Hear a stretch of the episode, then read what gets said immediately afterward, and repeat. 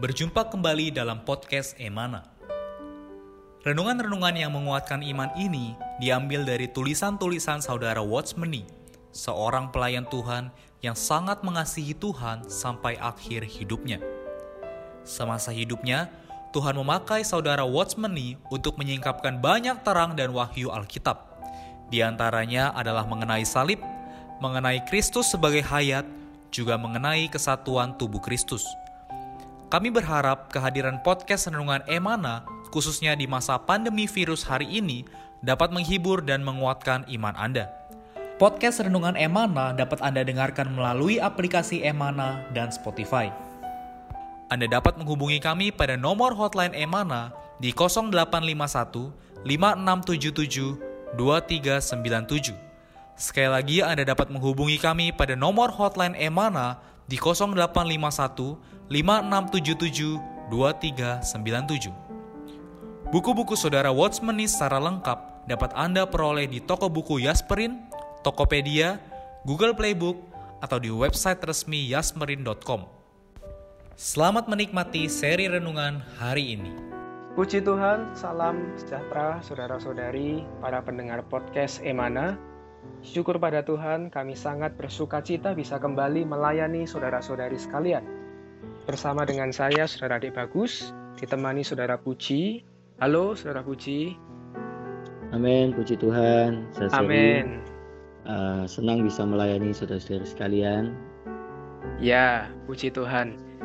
Saudara Puji, judul kita kali ini sangat menarik ya, membahas mengenai kehidupan yang dalam berbatu-batu. Baik, sebelumnya kalau saudara-saudari para pendengar podcast Emana perhatikan, di hari Senin sampai Rabu, di sana telah dibahas mengenai perihal kehidupan yang dangkal ya. Di sana bicara ya. mengenai di aspek kehidupan rohani orang Kristen, kadangkala ketika menerima firman Tuhan, hati itu cepat sekali sukacita. Ya, ya. hatinya mudah sekali bergembira. Tetapi tidak lama kemudian, sukacita itu mulai hilang, bahkan hati mulai lembam. Tidak yeah. seperti awal mula ketika menerima firman. Nah, ini yeah. menimbulkan satu pertanyaan, apakah sebabnya? Gitu kan. Nah, di hari Senin sampai Rabu dijelaskan karena hati orang itu ternyata tanahnya itu tipis. Juga firman yang dia terima itu tidak berakar di dalam hatinya. Betul. Bagi Sosari, para pendengar podcast Emana, kalau ingin mengulang kembali boleh ya mengecek podcast hari Senin sampai Rabu. Nah, ya. kali ini saudara-saudari, para pendengar podcast Emana sekalian, kita akan membahas satu topik mengenai kehidupan yang dalam. Lantas bagaimana supaya kita di dalam kehidupan rohani itu mempunyai kehidupan yang dalam? Maka Amin. kita perlu menyingkirkan atau membereskan batu-batu di dalam hati kita. Nah, apa sih yang ya. dimaksud batu-batu di dalam hati kita? Dan apakah yang Alkitab wahyukan mengenai batu-batu ini? Nanti Saudara Puji akan membantu kita untuk menjelaskannya. Lebih dahulu, saya ingin membacakan ayat Alkitabnya diambil dari kitab Markus pasal 4 ayat 5. Dikatakan demikian, Sebagian jatuh di tanah yang berbatu-batu, yang tidak banyak tanahnya, lalu benih itu pun segera tumbuh karena tanahnya tipis. Dari ayat Amin. ini mungkin ada beberapa hal yang bisa disampaikan, Saudara Puji. Amin, puji Tuhan. Uh, saudara, kita melihat Markus pasal 4 ayat 5. Uh, eh, ini adalah perumpamaan ya mengenai Tuhan sebagai uh, seorang penabur yang menaburkan ya benih kepada berbagai macam jenis tanah. Iya. Yeah. Saudara kita perlu melihat bahwa uh, yang Tuhan taburkan ini sebenarnya adalah firman ya. Nah, kita melihat bahwa tadi dikatakan firman itu ya jatuh ke tanah itu kemudian karena berbatu-batu ya atau mungkin karena hatinya keras uh, maaf tanahnya keras ya dan sebagainya. Nah, ini mengacu kepada firman Tuhan yang jatuh ke dalam hati kita. Ya. Yeah. Uh, nah karena itu minggu ini kita membahas sebenarnya adalah mengenai hati kita. Amin. Di dalam hati kita menerima firman Tuhan, uh, hati kita ini adalah di dalam keadaan yang seperti apa. Iya. Apakah hati kita ini dalam ya ataukah hati kita ini dangkal? Uh, hati yang dangkal ya dilambangkan dengan tanah yang uh, berbatu-batu. Saudara Tuhan ketika uh, masuk ke dalam kita melalui firman yang diberitakan ya Tuhan ini tidak mendapat jalan di dalam kita. Ya, atau mungkin Tuhan se sejangka waktu saja Tuhan bisa bekerja, tetapi pekerjaan Tuhan di atas diri kita ini sangat singkat. Nah, kenapa demikian? Nah, sebab-sebabnya kita sudah dengarkan dari hari Senin sampai hari yang uh, hari Rabu. Yeah. Nah, hari ini kita melihat satu sudut pandang yang lain yaitu karena ada batu-batu di bawah tanah ya. Jadi di permukaannya mungkin kelihatan baik-baik saja. Yeah. Orang-orang yang demikian, orang-orang yang memiliki keadaan hati yang berbatu-batu ini di luar kelihatannya tidak ada masalah.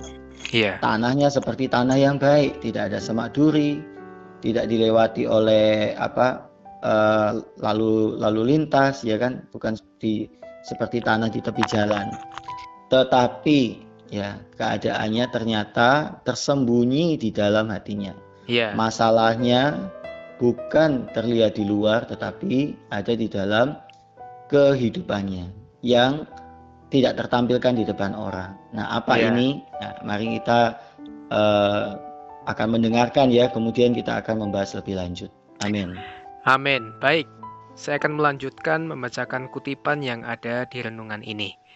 Dikatakan demikian, batu di dalam Alkitab memiliki beberapa arti. Salah satu arti mengacu kepada hati yang keras. Yeskiel pasal 36 ayat 26. Dalam hal rohani, kita harus berakar dengan dalam, tidak boleh mengeraskan hati. Ibrani pasal 3 ayat 7. Banyak orang Kristen yang maksudnya sendiri belum pernah terpukul, individunya belum pernah diremukkan, kalau menyinggung kehendak Allah, ia selalu mempunyai banyak alasan untuk menolak. Dia selalu menurut pandangannya sendiri, harus begini, harus begitu. Di dalamnya ada batu, hatinya sangat keras. Allah harus lebih dulu menghancurkan batu yang di dalamnya, baru dia bisa berakar ke bawah. Hanya orang yang bisa berakar ke bawah yaitu orang yang setelah mendengar firman Tuhan menjadi gentar. Saudara-saudari, ketahuilah, hati yang tidak mau taat kepada Allah adalah hati yang berbatu. Kita harus mohon Tuhan memberi kita terang, agar kita nampak seberapa besar batu di dalam kita.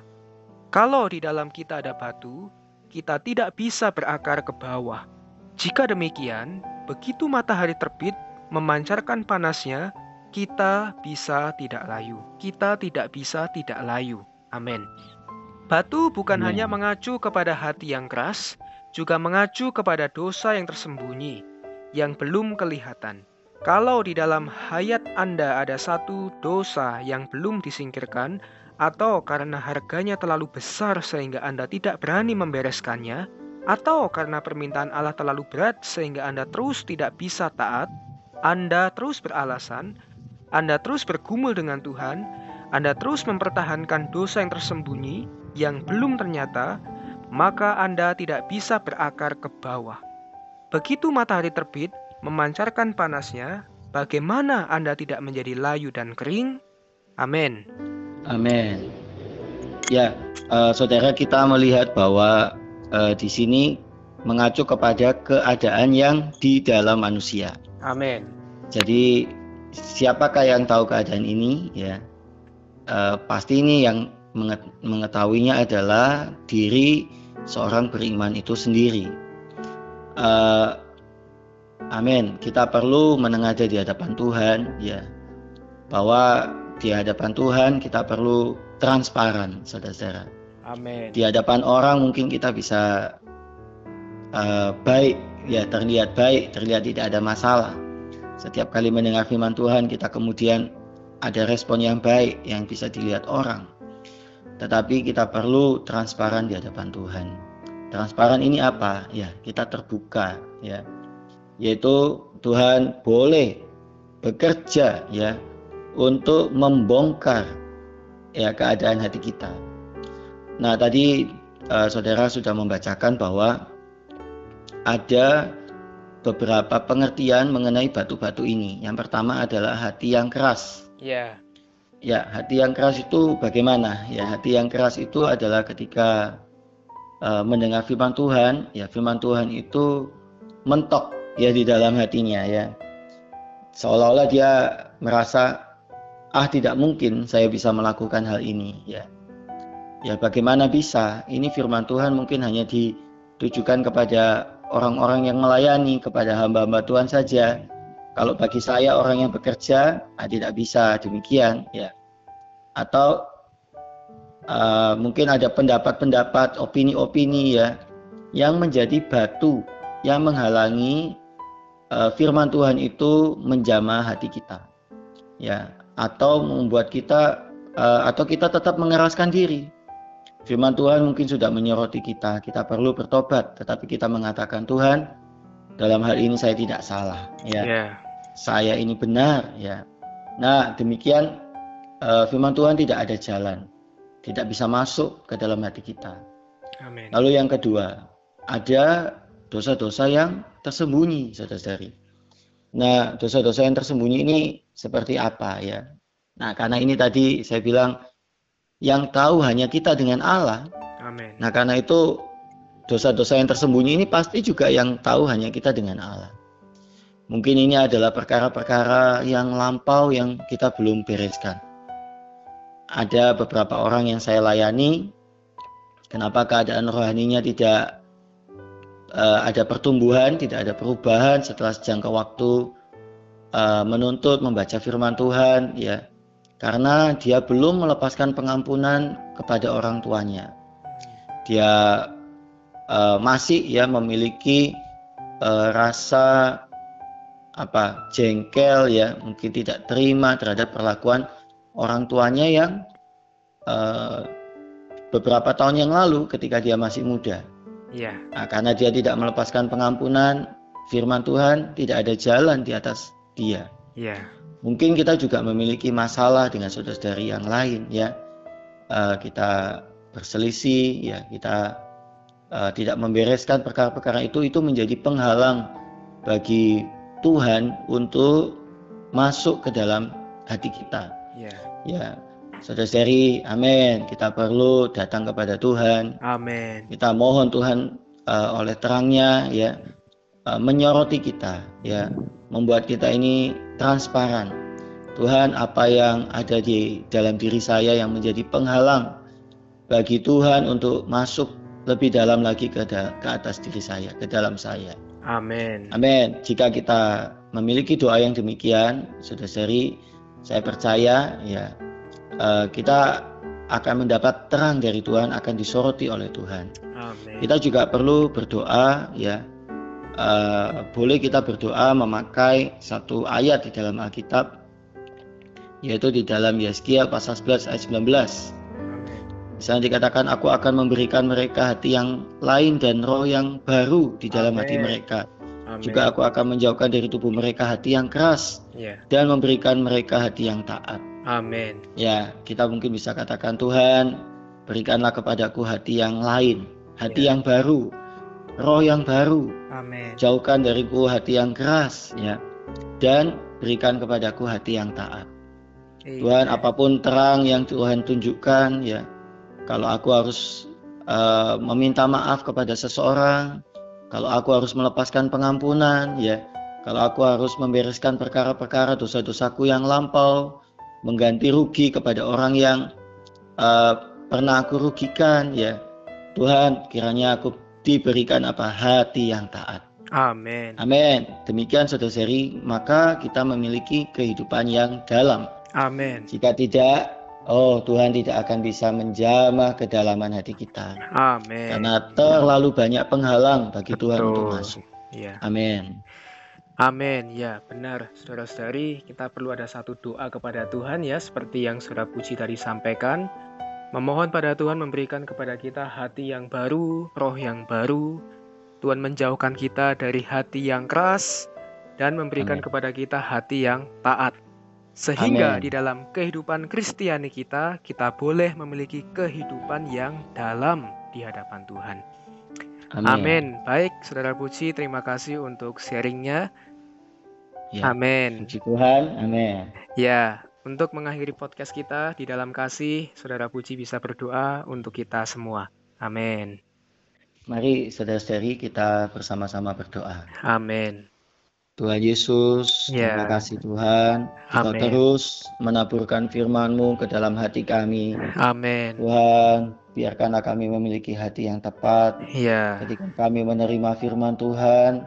Tuhan, kami menerimanya, Tuhan dengan sukacita, tetapi Amin. firman itu juga boleh tetap tinggal di dalam hati kami. Amin. Tuhan, karena hati kami sudah dikau bersihkan ya Tuhan. Amin. Tuhan, Kau sudah memberikan kepada kami hati yang baru dan Betul. roh yang baru. Amen. Oh, yaitu hati yang lemah lembut dan taat. Betul. Tuhan Yesus, Tuhan, banyak sekali Tuhan batu-batu di dalam hati kami. Ya. Tuhan, kami perlu terang-Mu, Ya. menyoroti kami ya Tuhan. Ya. Kami bisa membereskan satu persatu.